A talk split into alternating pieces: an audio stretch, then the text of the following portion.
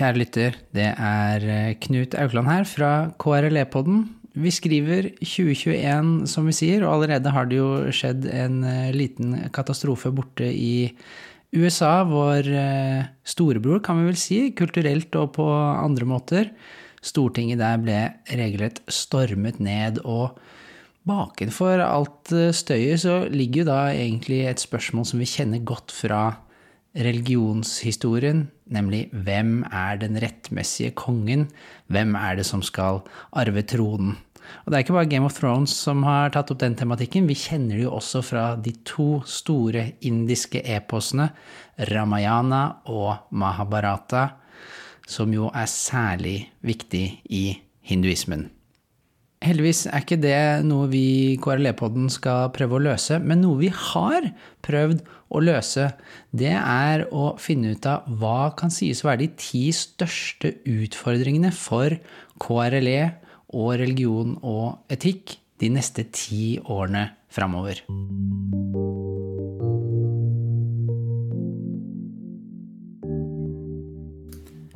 Vi i KRLE-podden brukte et helt år på å sluttføre den rapporten, Ti uløste problemer.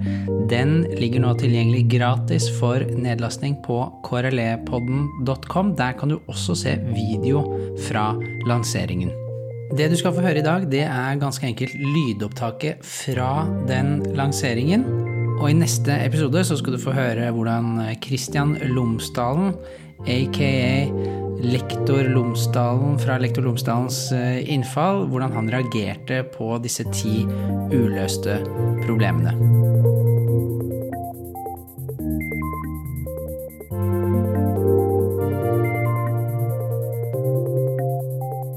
Før vi setter i gang eh, episoden, så vil jeg jo bare minne om at 2021 det er jo valgår. Vi skal ha et stortingsvalg, vi skal krone en ny statsminister.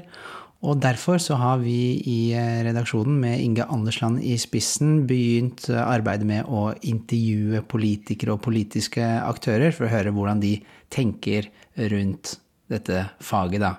KRLE, som kanskje er det mest politiserte faget av alle skolefagene. Ok. Mitt navn er Knut Aukland. Du hører på KRLE-podden. Det skal handle om eh, religion og kristendom. Jeg mener at ingen skal tvinges til å gå på skolegudstjeneste. Eh, lærerstudentene har av kunnskap om disse evnene. Faget vil inneholde hele 50% kristendom og bare 50 eh, vranglære. Kompetansemålene i faget. Det K-en gjør nå, er at den bare markerer at kristendommen har en særlig historie hos oss. Og det er jo sant. Den K-en kom til for tre og et halvt år siden. Den var ikke der før. Det handler først og fremst ikke om K-en. Uh, RLE-faget har jo en litt brokete historie. Abonnerer de selv på KRLE-podden som lærer? Ja, det er en selvfølgelig ting.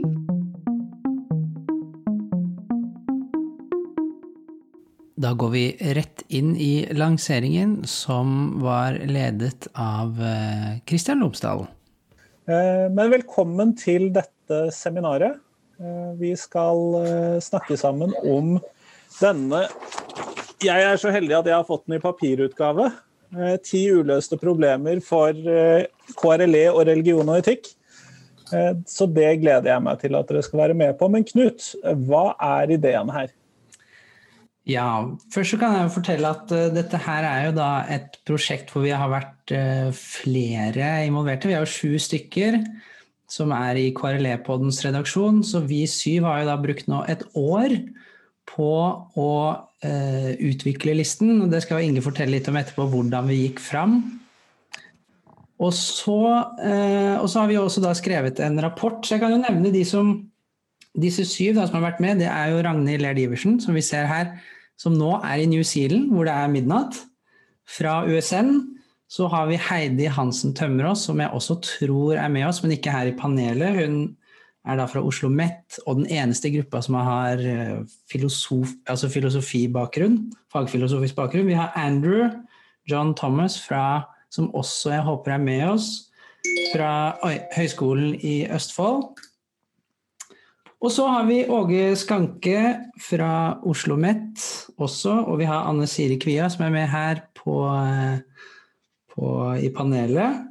Fra Oslo OsloMet som lærerutdanner, men jobber også samtidig som lærer på Katta, altså Oslo katedralskole, i religion og etikk. Og så ikke minst Inge Andersland fra NLA, som har redigert av denne rapporten sammen med meg. Så jeg tenkte jeg kan jo si litt sånn hva, vi, hva som var tanken her eh, med å lage en sånn liste. Og utgangs, altså utgangspunktet var jo at vi hadde lyst til å gjøre noe annerledes.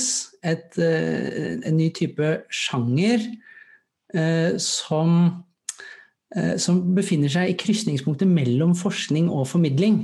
Så det finnes jo en del sånne etablerte sjangre, ikke minst i forskningen, at man kan skrive en artikkel, man kan skrive bok eller bokkapitler, og så kan man kanskje drive med noe formidling i form av en blogg eller avisinnlegg eller podkast. Men hva kunne vi liksom lage noe som, eh, som befinner seg i et slags krysningspunkt? Så det var litt sånn nysgjerrighet. Kunne man lage en sånn liste, og hvordan ville det Eh, sett ut. Og så har vi jo også hatt et håp, og det får vi jo se eh, om det håpet blir oppfylt, da, at eh, kan vi nå ut til eh, samfunnet rundt, så å si, altså ikke bare vi som jobber med KRLE og religion og TIK til daglig, kan vi nå ut eh, til andre aktører og folk rundt? Fordi de få gangene hvor Norge diskuterer Eh, KRLE eller religion og religion i skolen, så er det veldig ofte ja, Sånn som nå f.eks. når det nærmer seg juletider, så, så, er det jo skolegudstjeneste som blir diskutert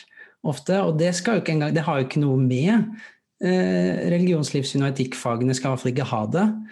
Eller det handler om kristendommens posisjon, eh, K-en i navnet, hvor mye kristendom skal være. Og begge to er jo viktige temaer, men lærere som jobber med dette faget, og lærerutdannere og forskere, vi som jobber med dette til daglig, vi er opptatt av veldig mange andre ting. Og vi har mange viktige oppgaver og utfordringer som vi står overfor. Og det kan man kanskje lure på da, om har samfunnet fått med seg det. F.eks. så jobber jo vi eh, med spørsmål om hvordan kan vi leve sammen i et flerreligiøst, flerkulturelt samfunn, og hvordan kan undervisning i religion, livssyn og etikk på en måte bidra der, da.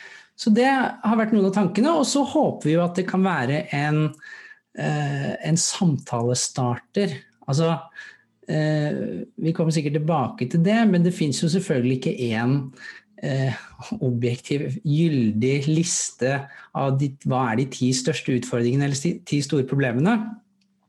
Men når man lager en sånn liste, så blir man jo tvunget da, til å reflektere selv over ja, hva ville jeg hatt på en sånn liste. Og du blir også tvunget til å se helheten av, eh, av, feltet og spørre deg på en måte ja, hva er det egentlig det viktigste vi forsøker å oppnå i en offentlig skole for alle eh, borgere, hvor vi da også har et eget fag om religion, livssyn og etikk. Så, ja, og så har vi jo sett at, eh, at f.eks. Eh, studenter syns at eh, den endelige listen, men kanskje også alle de andre problemene som kom opp i prosessen, kan være nyttig å bruke når man skal skrive fordypningsoppgave, finne noe man vil gå dypere inn i.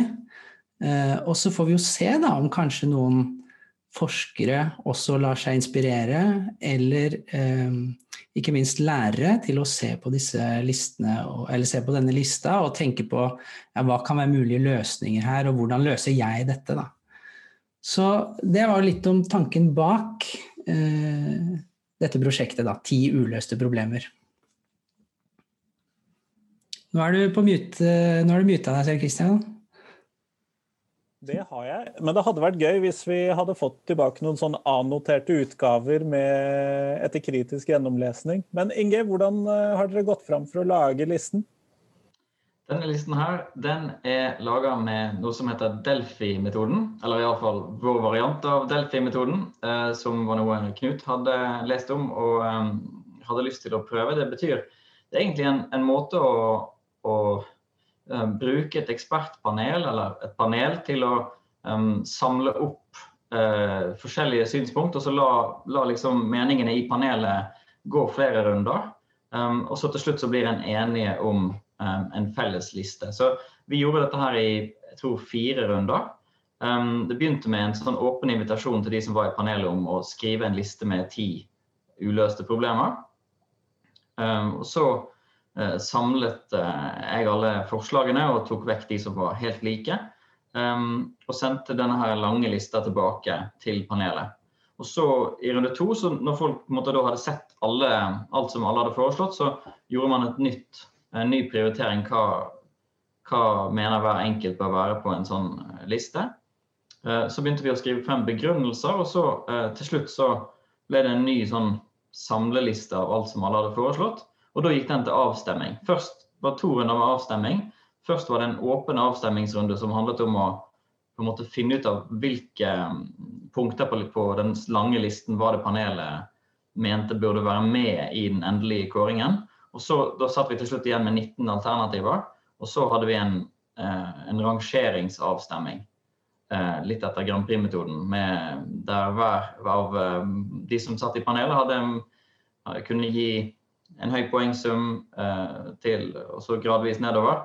Um, og så samlet vi opp og, og kom fram til eh, de ti punktene som vi skal lansere i dag. Kjempeflott. Knut, fyrer du av gårde presentasjonen av listen? Ja, da skal vi ha lanseringen. Inge, er du klar på det tekniske med video? Nei, så du må snakke i ett minutt.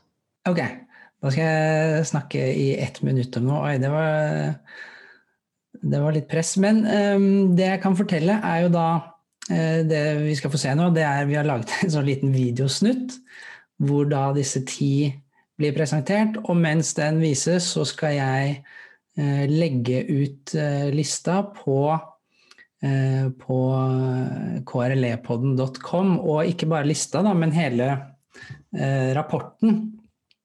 Fordi det uh, i denne rapporten, som noen av oss har i fysisk uh, format her, og den får du da laste ned som PDF, der er jo lista, og så er det da en tekst til hver av disse, og uh, en innledning hvor vi da går gjennom denne prosessen av hvordan vi har tenkt. Mission accomplished, Knut. Ja, så bra. Snurrefilm. Da må vi, det eneste vi må huske på, er at vi må mute alle vi som er i panelet her. Det fant vi ut sist på dette tidspunktet i eh, lanseringen så fikk jo da de som var til stede, se hva de ti uløste problemene er for første gang. Du kan finne det inn på krlepodden.com. Klikk deg inn på ti uløste problemer.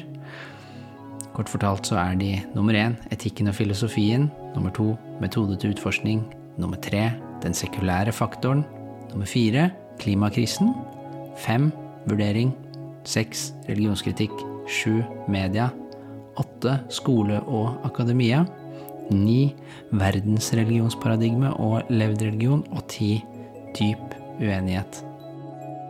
Ok, tilbake til lanseringen. Kjempeflott. Da har vi jo faktisk fått sett listen, og vi har blitt enige om at vi skal gå gjennom listen fra topp til bunn.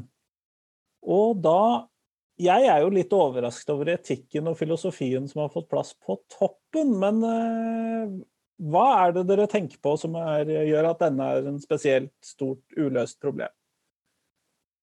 Det som vi, vi så i, i, flere av listene fra panelet, var at det var forskjellige innganger til det problemet her. Og noen av spørsmålene handler om um, hva slags plass skal disse temaene ha i faget. Noe handler om spenningen mellom det er mange som i omtalen av KRLE og religion og etikk kaller det for religionsfagene.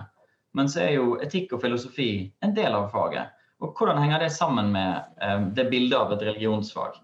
Um, burde de bare tas ut av faget, sånn at det ble et rent religionsfag? Um, for min egen del, så, og nå snakker jeg ikke om innholdet i rapporten, men bare mine spekulasjoner, så er det noe her som handler om at når det var et kristendomsfag, så var jo en del av kristendomsfaget sin oppgave å bidra til en form for moralsk opplæring, men da forankret i kristendom. ikke sant? Og så Når faget ikke lenger er et kristendomsfag, så har man beholdt um, etikken. Um, men det må få en ny rolle. Og den konfigureringen av hva, hvordan etikk skal fungere i uh, et felles religionsfag, som ikke skal være konfesjonelt, um, den jobben er ikke vi ferdig med. Nei, det kan jeg jo se for meg. Knut? Ja, og så var det, jeg, nå holdt jeg på med, Det er jo dobbelttaska litt, altså jeg vet ikke om Inge var innom det. Men en, en annen ting her er jo hvilke fag, fagbakgrunner har vi lærerutdannere, og, for, og, lærere også. Og da, hvis vi ser på det, så tror jeg vi ser at de aller, aller fleste, inkludert meg selv, har religionsfaglig bakgrunn. Og i denne gruppa bak denne rapporten så har vi jo Heidi Hansen Tømmerås, som er den eneste som er fagfilosof. Sånn at det, dette problemet her har også noen sånn strukturelle sider. Og, men så ser vi jo at det er litt endring. Det ble utlyst en stilling på NTNU, hvis ikke jeg tar feil. Det kan sikkert noen av de som følger med og skriver chatten, hvor man etterspør at man har f.eks. mastergrad eller doktorgrad i filosofi. Så det er jo det er jo også en del av dette. Stemmer, sier Camilla Næra nettopp. Kanskje vi kan legge en linke til den utlysningen, med mindre den, kanskje fristen er gått ut. Eh, hva tenker dere to andre, Ragnhild og Anne Siri, om eh, dette på toppen? Jeg tenker at det setter seg veldig tett sammen med fagfornyelsen. Og det jeg vet ikke om du nevnte noe særlig om det i starten, Knut. Men eh, fagfornyelsen er jo langt på vei et viktig bakteppe her for, eh, for de problemene som reises. Så òg når det gjelder filosofien og etikken, så får det en, eh, en veldig sentral plass. Både i de tverrfaglige, tverrfaglige emnene og i eh, kjerneelementene. Um, og derfor så blir det òg et spørsmål om uh, og på en mer aktiv måte knytte inn uh, fagfilosofien til å liksom eh, At fagfilosofien kanskje burde bli mer relevant. Eh, og hvordan den kan bidra til nytenkning når det gjelder f.eks. livsmestring og f.eks. bærekraft. Nettopp. Eh, det, det gjør det litt klarere. Ja.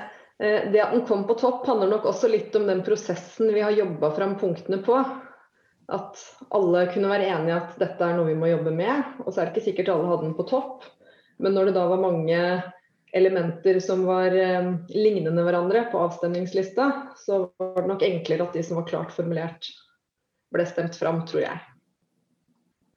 Så, så litt, litt, innhold og litt form. Nettopp.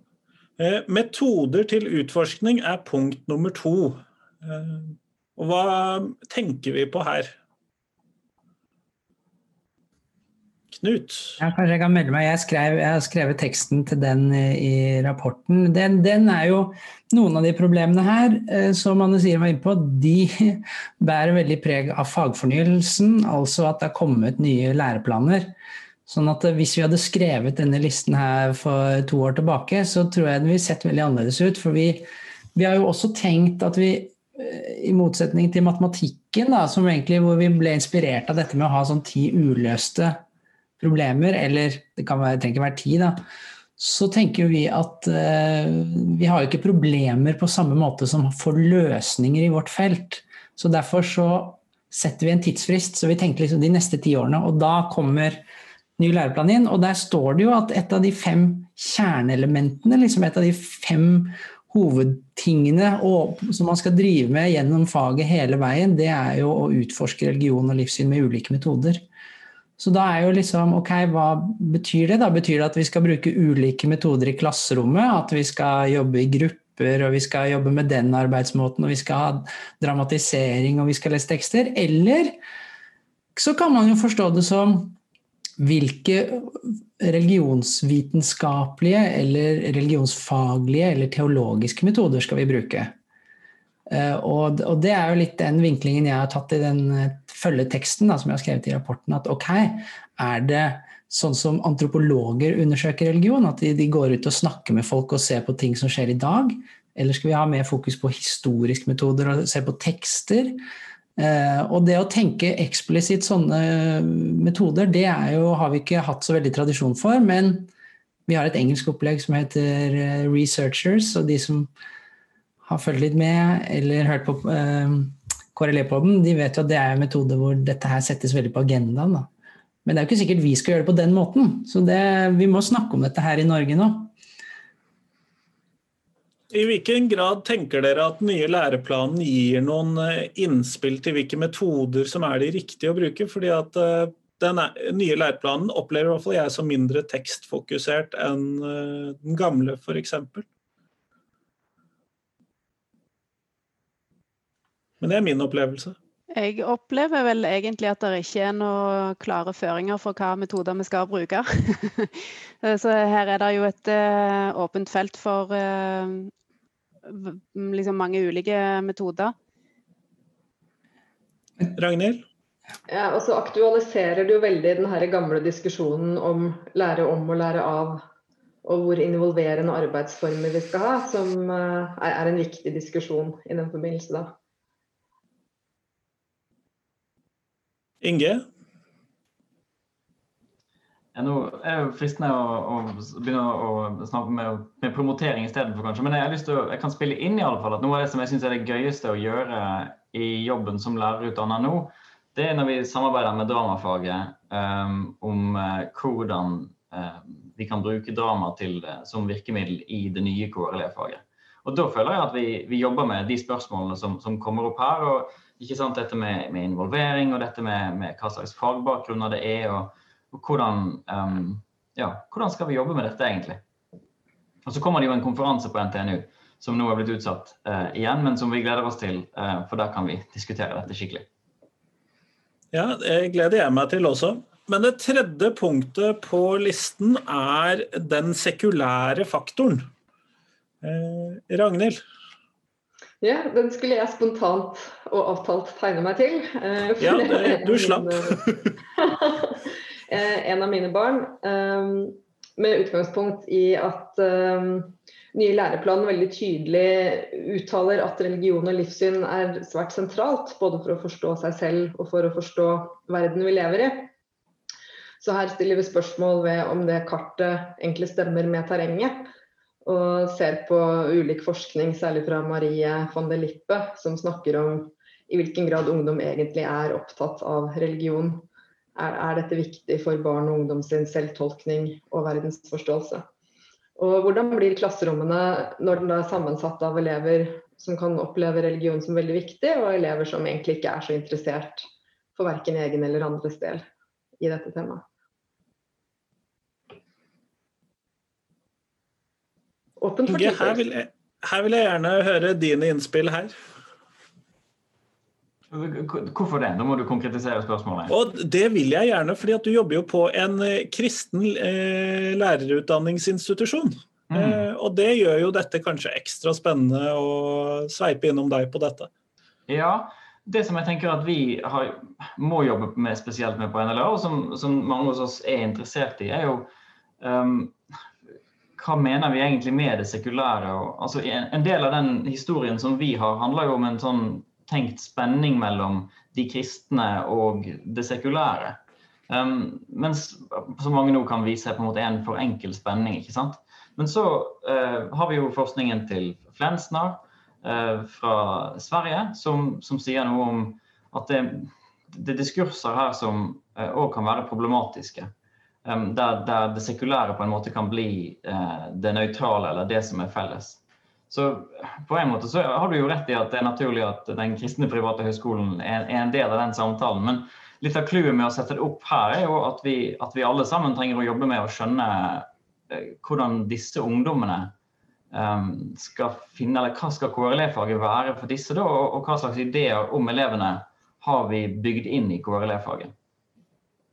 Knut, ja, jeg er veldig glad for at dette punktet er kommet med. For jeg synes jo Vi har jo mye litteratur i feltet som går på hvordan blir ulike minoriteter, livssyns- religionsminoriteter møtt i klasserommet. Muslimer f.eks., hinduer. Men hva med den uh, eleven som ikke er så opptatt av religion? Og den irreligiøse eleven er det jo Det er jo mange av de. Og dette handler jo også litt om på en måte, tenker jeg, å få få til et fag som alle kan oppleve som relevant. Og, det, kan jo, det er jo en fare for at det kan virke som at faget har noen spesialinteresser som ikke favner alle borgerne, egentlig. Og så er jeg bare minnet på Sissel Lid. Eh, det er vel i avhandlingen hennes som husker jeg for mange år tilbake, så hadde hun sånn ett kapittel til ulike elever. og noen, En var muslim, og en var ditt og en var datt. og Hvordan møtte de ulike tekstene i faget. og Da var det en som het Thor som gjorde veldig inntrykk på meg. fordi at eh, hun hadde tatt bilde av kladdeboka til Thor. Alt som hun hadde jobbet med underveis i faget. Og da sto det, den gangen het det KRL. Da sto det bak bok, bakerst på boka sto det KRL suger. K-en suger, R-en suger og L-en suger. Og han Thor syns jeg ble veldig interessant, da. For dette han han skal vi jo også få med i undervisningen. Og, ja. Så det, det var bare noen tanker jeg hadde. Må ikke glemme Thor. Anne Siri, du er vel den som er tettest på praksisfeltet av de i panelet? Eh, hvilke ja, i tillegg til det, kanskje? ja, i tillegg til meg. ja. ja. dette er til å ta og føle på, egentlig, sånn som jeg eh, opplever det. Um, samtidig så syns jeg eh, min erfaring over, over, tid fra videregående er jo at det er stor interesse for uh, temaene. Um, så jeg opplever på en måte sånn sett ikke de der som eh, melder seg helt ut. Det er jo noen som gjør det. Altså det er en sånn manglende interesse for å delta i, i tematikken i det hele tatt. Men jeg tenker egentlig litt mer òg um, på liksom helheten i disse punktene. Uh, og jeg tenker vel også, knytter vel òg egentlig denne, den sekulære faktoren litt sånn til fagets uh, eksistensberettigelse. Ehm, så jeg leser det vel litt mer sånn eh, helhetlig eh, Altså et av de liksom, underliggende felles eh, store problemene, sånn som jeg ser det, som vi trenger å løse, er jo egentlig at dette faget fortsatt eller, skal være aktuelt og relevant. Uh, og hvordan Det er liksom det, det ene av liksom store spørsmålene som kommer inn i forlengelsen av dette. Så jeg tenker vel òg egentlig at det må være relevant for uh, alle. Uh, men uh, det er jo ikke noe enkle svar på hvordan man kan få til det. og heller ikke hvordan man kan realisere de overordna målene når vi snakker om mangfoldskompetanse f.eks. Og nå skal vi rett og slett videre til en annen stor problemstilling utenfor faget. Og det fjerde punktet er jo nettopp klimakrisen. Eh, og hvorfor har den fått plass på listen? Hva er det som gjør den særlig aktuell? Sånn utover klimakrisens eksistens, da. Inge? Så Dette var jo et av de eh, punktene som står høyt på listen, um, og som, det var bred oppslutning om i panelet. Um, det, det, er, det, virker som at panelet på den måten formidler at en opplever at KRLE-faget ikke har klart å, å, komme tydelig på ballen i det som for elevene, tror vi og vet vi, oppleves som et brennende aktuelt spørsmål. Og som, som jo er på en måte Det er vårt, vår tids store um, eksistensielle problem. Um, og uh, altså, Nå har vi bærekraftig utvikling som tverrfaglig tema i skolen, og KRLE-faget har fått sin tekst om bærekraftig utvikling i den nye læreplanen. Men hvordan, egentlig, hvordan snakker vi om klima, og på hvilken måte kan vi se på i dette faget hvordan ulike religiøse tradisjoner blir mobilisert i klimakamp? På, på begge sider, ikke sant? Sånn at um, Det handler om å, om å få uh, bevisstheten opp om at dette temaet um, må på dagsordenen. Og Da har jo jeg et spørsmål til hele panelet. fordi at jeg lurer jo litt på da, Er det de ulike religiøse tradisjonenes perspektiv på klimakrisen? Er det de etiske problemstillingene som klimakrisen skaper? Eller er det de eksistensielle utfordringene som klimakrisen vel, produserer, står for, fremmer hos elevene? Hvilke av disse tre aspektene er det dere tenker at er det viktigste her? Hvis vi kan skille ut noen, Knut? ja, det er jo det er jo nettopp kanskje et av de store problemene som vi reiser. Da, for vi, vi, peker jo på en måte I den følgeteksten så peker vi jo litt i de retningene du peker på der. Jeg tenker jo det er jo Der er jo fagfolk og lærere også veldig uenige, ikke sant. Fordi klima Vi kunne plassere klimakrisen under eh, etikkdelen av faget, filosofi- og etikkdelen. Og så da håper å si, holder vi på med om det er eh, Blekkulf, eller om det er Arne Næss og Økosofien. ikke sant? Eller Og jeg, Der er det ulike meninger, for det er også de som vil argumentere for at uh, når vi snakker om etikk f.eks., at det, skal det være forbeholdt filosofien som fagdisiplin, fordi etikk er jo en sentral del av religiøse tradisjoner osv. Så, videre. så um, ja, det var bare noen uh, refleksjoner. Jeg er enig med spørsmålet, da, er vel det jeg sier. Og det er jo kanskje en ting i seg selv. Anne Siri? Ja, det var egentlig langt på vei det samme jeg skulle si. Det, det, er jo nettopp det som er spørsmålet her, eller problemet her. Det er liksom hvordan man kan avgjøre hva som skal være lærestoff, eller hva liksom elevene skal jobbe med. Eh, og Samtidig så har du òg eh, normproblemet, altså hvordan du skal eh, Som jo er liksom kjent òg fra, fra, andre liksom, sider ved faget. Sånn at her er det både kanskje liksom en, et en utfordring med at det, våre metoder og vår didaktikk uh, ikke umiddelbart uh, liksom vi, vi, ønsker kanskje gjerne å bidra til å løse klimakrisen. så her er liksom ambisjonene veldig høye. og så er det jo òg det med å At det er kanskje andre fag som ligger lenger foran i løypa når det gjelder å utvikle didaktikk for dette, sånn som kanskje naturfag og samfunnsfag. Så det er på en måte det å, arbeide tverrfaglig og finne noen gode løsninger som er selve utfordringen. Kjempeflott. Tusen takk, Anne Siri. Eh, da går vi rett og slett videre til eh, det femte punktet, og der er vurderingen har kommet på. Eh, og dette er jo ikke hva skal vi kalle det, et særskilt KRLE-problem, men hva er det dere har tenkt på i denne sammenhengen her? Inge? Eh, det problemet her, det eh, har eh, Og kontakt med det at vi nå i den nye læreplanen så er det jo kommet inn punkt om vurdering. Sånn at Nå ser vi en, at det òg i styringsdokumentet begynner å stå, stå, komme føringer for hvordan vurdering skal være i KRLE-faget. Um, og Da ser det ut som panelet ønsker å følge opp det med å, å diskutere og, og ha en skikkelig uh, KRLE-didaktisk, en fagdidaktisk drøfting av hva som egentlig er god vurdering. For det er jo ikke sånn, Vurdering er noe av det sterkeste sosialiserende verktøyet vi har i disse fagene våre. Um, og, og, vi kan bruke det på forskjellige måter. Og det å skaffe til veie skikkelig forskningsbasert kunnskap om hvordan forskjellige typer vurdering fungerer i KRLE, det um, sier panelet at det trenger vi. Knut, og religion og etikk. Her, jeg bare fikk lyst til å legge til at uh, her føler nok jeg f.eks. som lærerutdanner, og som jobber da jeg, Min undervisning er jo ikke i klasserom i skolen, men klasserom på campus med studenter. Og her føler nok jeg at eh, at jeg ikke jobber godt med vurdering i faget når når når jeg underviser med studentene, og kanskje ligger vi litt etter. fordi at i skolen så Det er f.eks. når, jeg får Anne Siri som kollega og skal planlegge eksamen og sånn, og Anne Siri både jobber på campus og så jobber hun på Katta, og så har de på en måte mye mer erfaring og aktivt, et aktivt forhold til vurdering, føler jeg. Så her, Dette syns jeg er et sånn eksempel på hvor kanskje praksisfeltet på en måte Eller kanskje hvor avstanden fra campus og skole er ganske stor, og hvor campus har mye å lære av skole, egentlig kunne ha nytte av det. Men nå snakker jeg primært for meg selv, da.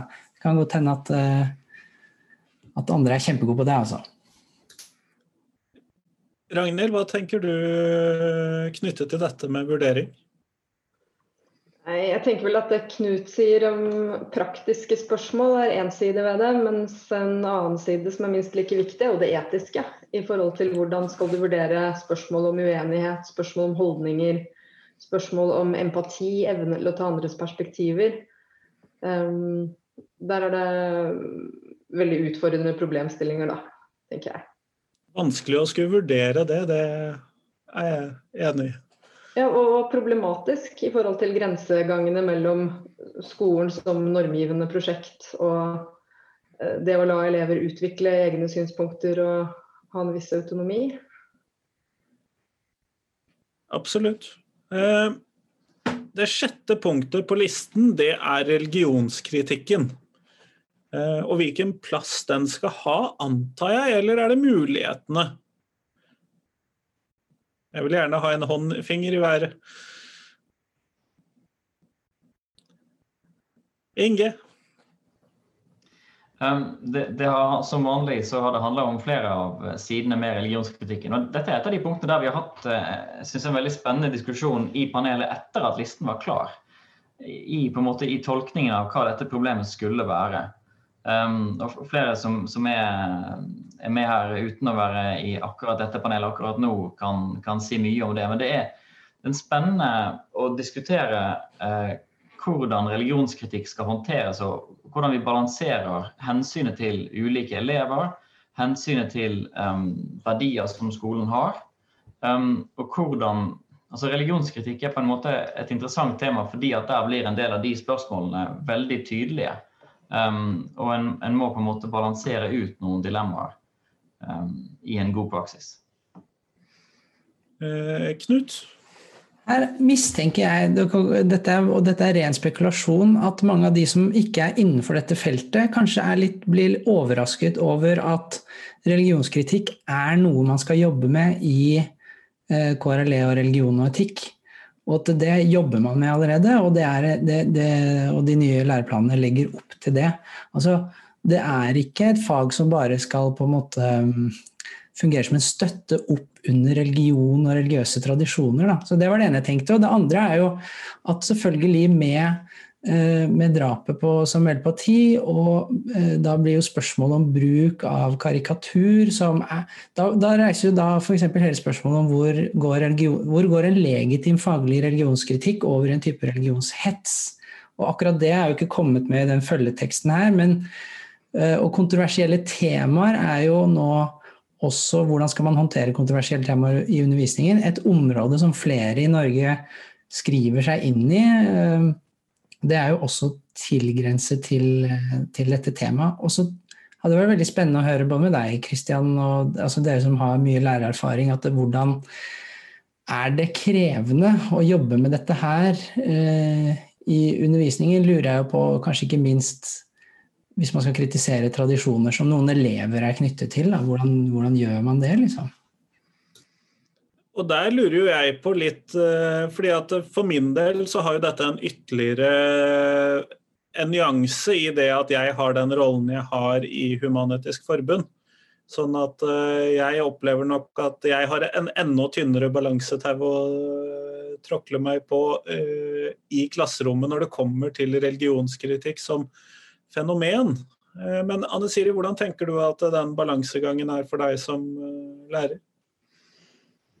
Jeg tenker vel egentlig at den balansegangen er vanskeligere i grunnskolen.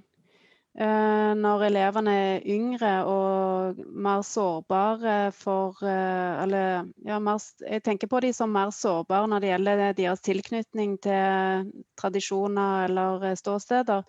At det er mer ja, de er mer sårbare i yngre alder. Så jeg eh, tenker jo òg at det kan være aktuelt for, mitt, for, liksom, for videregående. Uh, men det mest problematiske der er jo nesten at du ikke vet om det før det liksom blir veldig synlig, eller at no, noen grenser har blitt uh, tråkka over. da.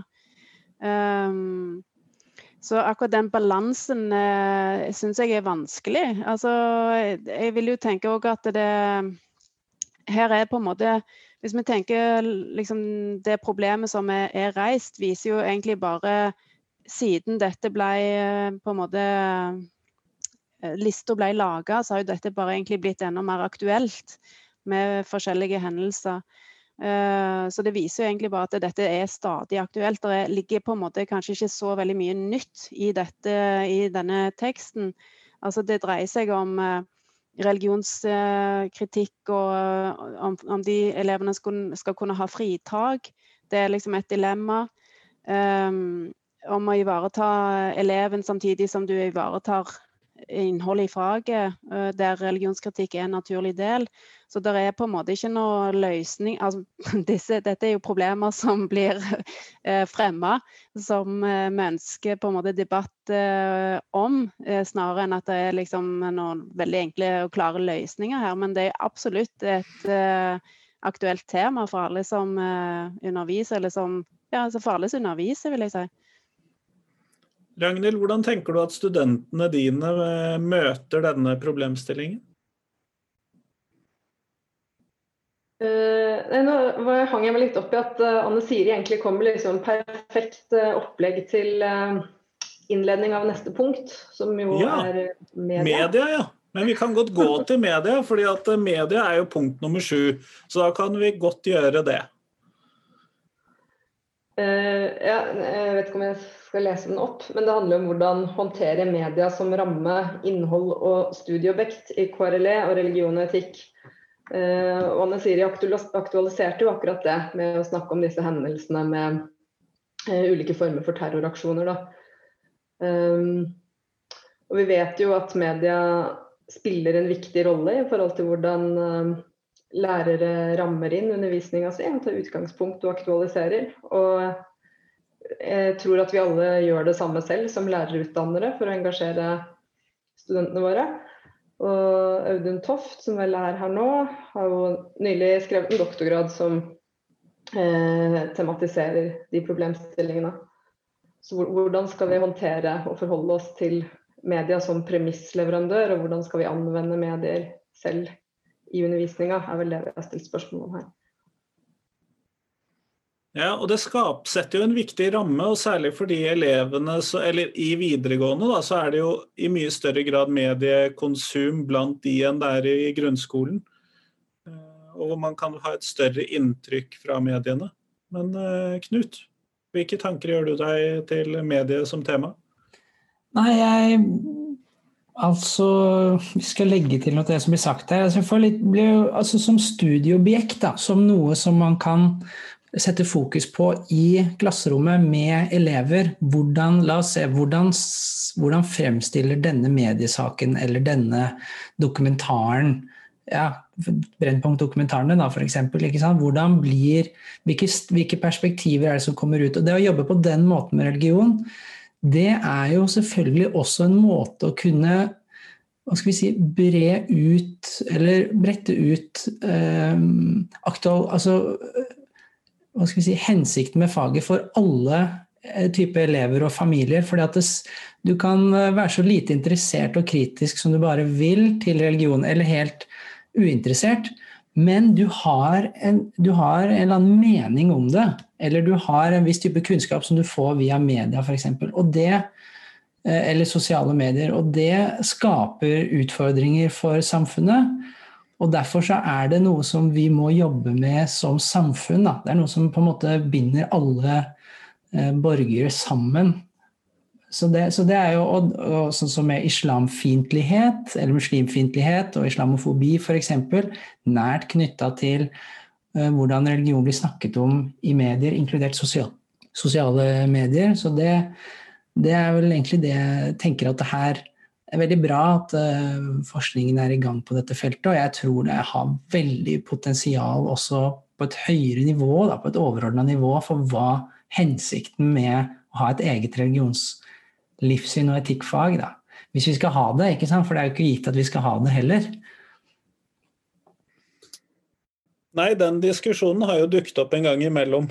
Eh, men jeg lurer nå på punkt åtte, skole og akademia det er jo da neste punkt på listen.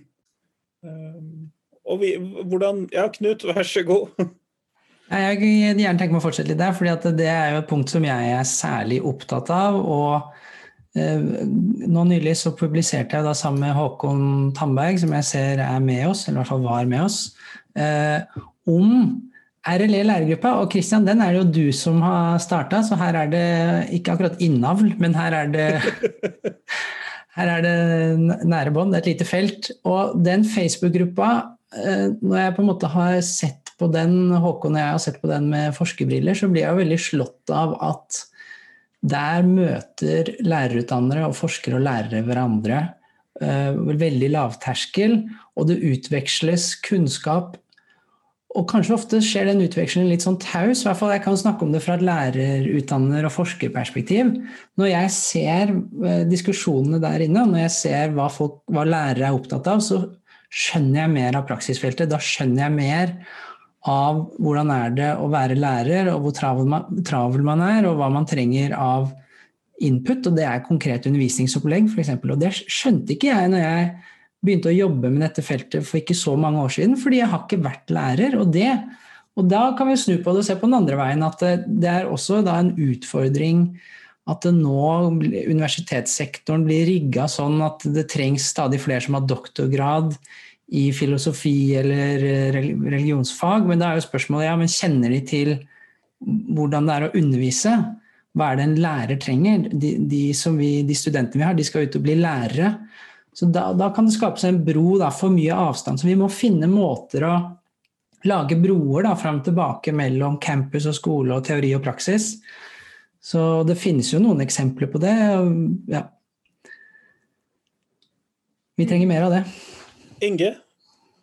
Jeg hadde lyst til å føye til det som jeg opplever som en, en av de store utfordringene i min eh, lærerutdannerjobb når det gjelder forholdet mellom skole og akademia. Det handler om at um, jeg jobber med KRLE på NLA. ikke sant? Og Stillingen min handler nesten utelukkende om KRLE. Jeg jobber litt i Pell, men da er det jo egentlig RLE-modulen i Pell. Men når jeg kommer til skolen, så snakker jeg veldig sjelden til mennesker som bare jobber med KRLE. Altså det, I grunnskolen så ville det være rart å bare jobbe med KRLE. Sånn at um, jeg må oversette og, og har på en måte vært gjennom en, en prosess med å finne ut hvordan, hvordan kan jeg forholde meg til uh, de uh, profesjonsutøverne og, og, de skolesystemene som, som jeg møter f.eks. gjennom sånn um, desentralisert ordning. Um, sånn at jeg kan få bidra og, og få være med uh, på å utvikle denne nye kompetansen. Men da er det ofte så, så må jeg, da, jeg må gi slipp på på en måte KRLE. Uh, I alle fall som grensemarkering, men, men ofte òg som, som, utgangspunkt. Så det har vært en utfordring. Hvordan, um, på en måte, hvordan kan vi jobbe og, og få det samarbeidet til, å, til konkret å handle om KRLE-faget?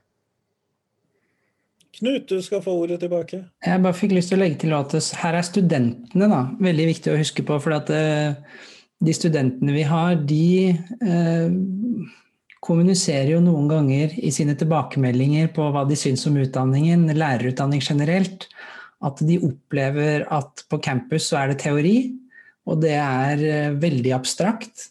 Men så lærer de å bli lærere når de er ute i praksis de ukene der. Noen studenter sier det, ikke sant. Og da og da er det jo en utfordring for oss på campus for å snakke om den, det er jo da at hvordan får vi med disse studentene til å se at teori hjelper oss i praksis, og praksis hjelper oss til å forstå teori. Da.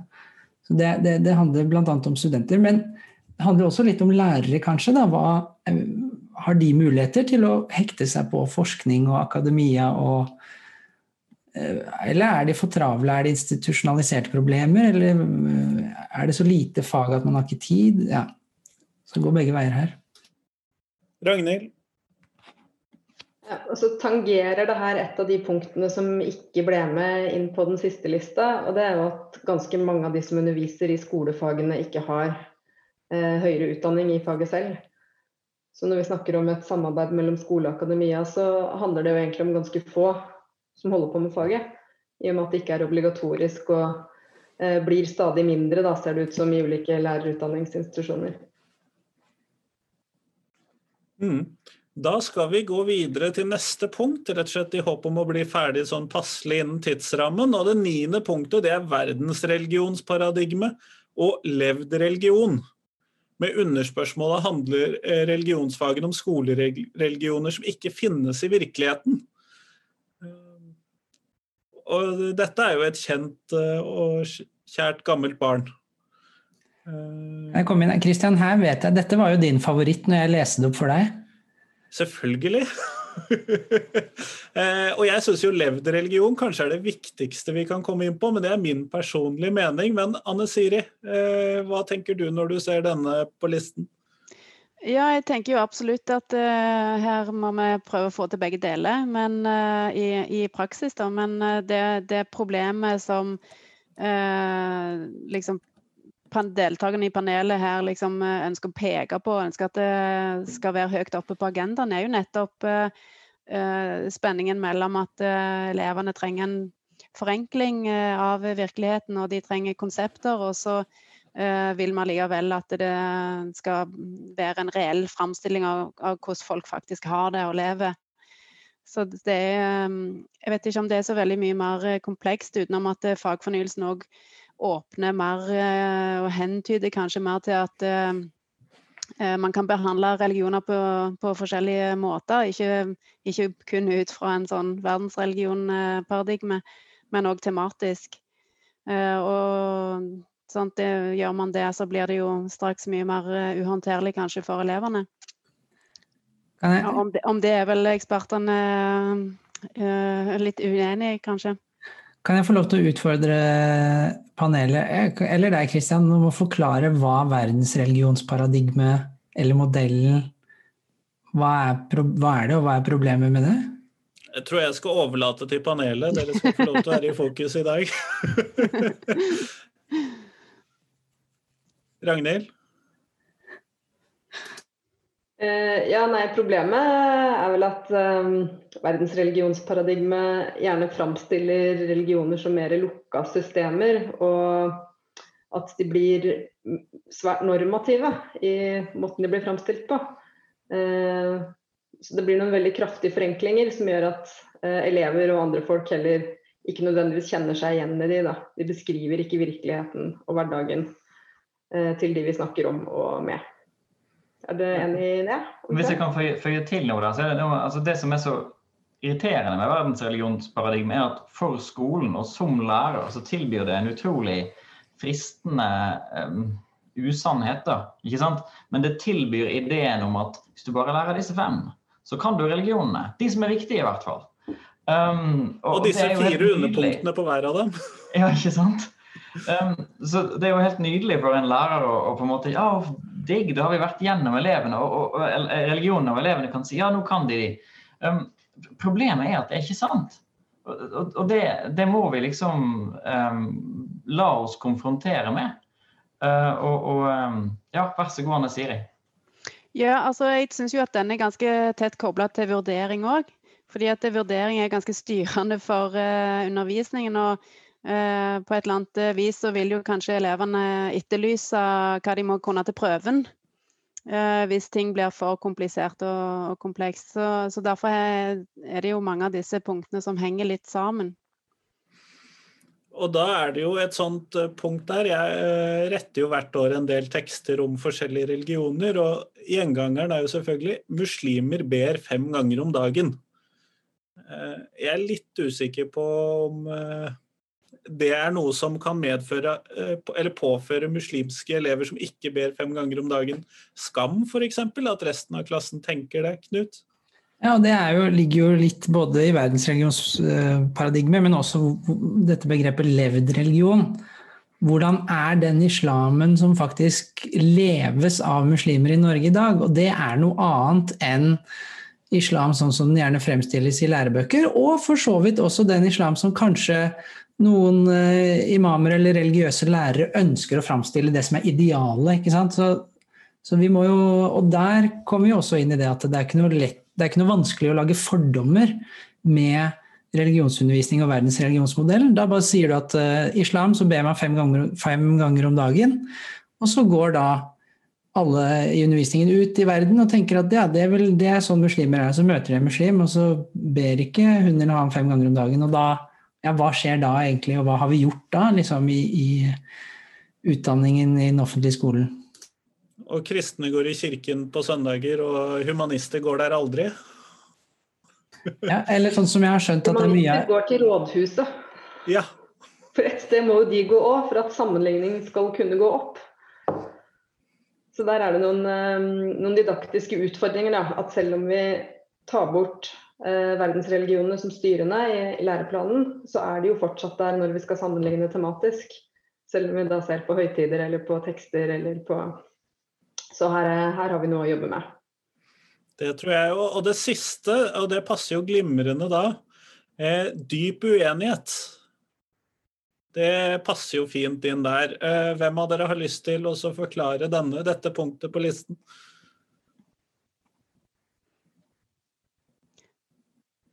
Jeg kan godt uh, gjøre et forsøk. Yes. Uh, uten at jeg er noen fagfilosof, uh, så, så, forstår jeg at dette er et viktig tema innenfor filosofien. og Eh, her er det jo egentlig et spørsmål om, eh, om fagfornyelsen ikke slår fast at eh, det fins noe som heter dyp uenighet. Så den kommentarteksten drøfter jo egentlig det litt. Disse kommentartekstene hadde jo en ramme på ei side, så her var det jo ikke mulighet for forfatteren av de til å gå skikkelig i dybden på det.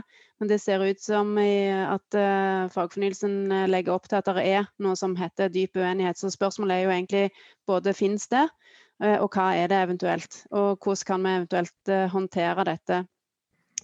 Um, sånn at dyp uenighet knyttes da til liksom, uenighet om hvordan man kan framskaffe en kunnskap på, et, på liksom, visse temaer. Eh, og så blir det òg et spørsmål om da man eh, ønsker egentlig å legge til rette for at man kan på en måte endre mening, da. Eh, hvis man tar opp disse typer spørsmålene i, spørsmål i, i undervisningssituasjon. Inge, du hadde òg oppe ei hånd, så kanskje du skal få slippe til. Nei, du, du, har sagt det godt. Jeg kan si Min opplevelse var jo at, at dette var jo her hadde det mye å si at vi fikk med oss og hadde med oss noen som kan filosofi. For den teksten hadde blitt veldig annerledes hvis eh, jeg skulle ha prøvd å mekke til et eller annet, sånn som jeg har gjort med noen av de andre. Um, den, så det ble en veldig god illustrasjon av det du var inne på i starten, Knut, at uh, vi trenger um, et bredere fagfellesskap, og vi trenger tydelige filosofiske stemmer for å håndtere det nye faget på en god måte.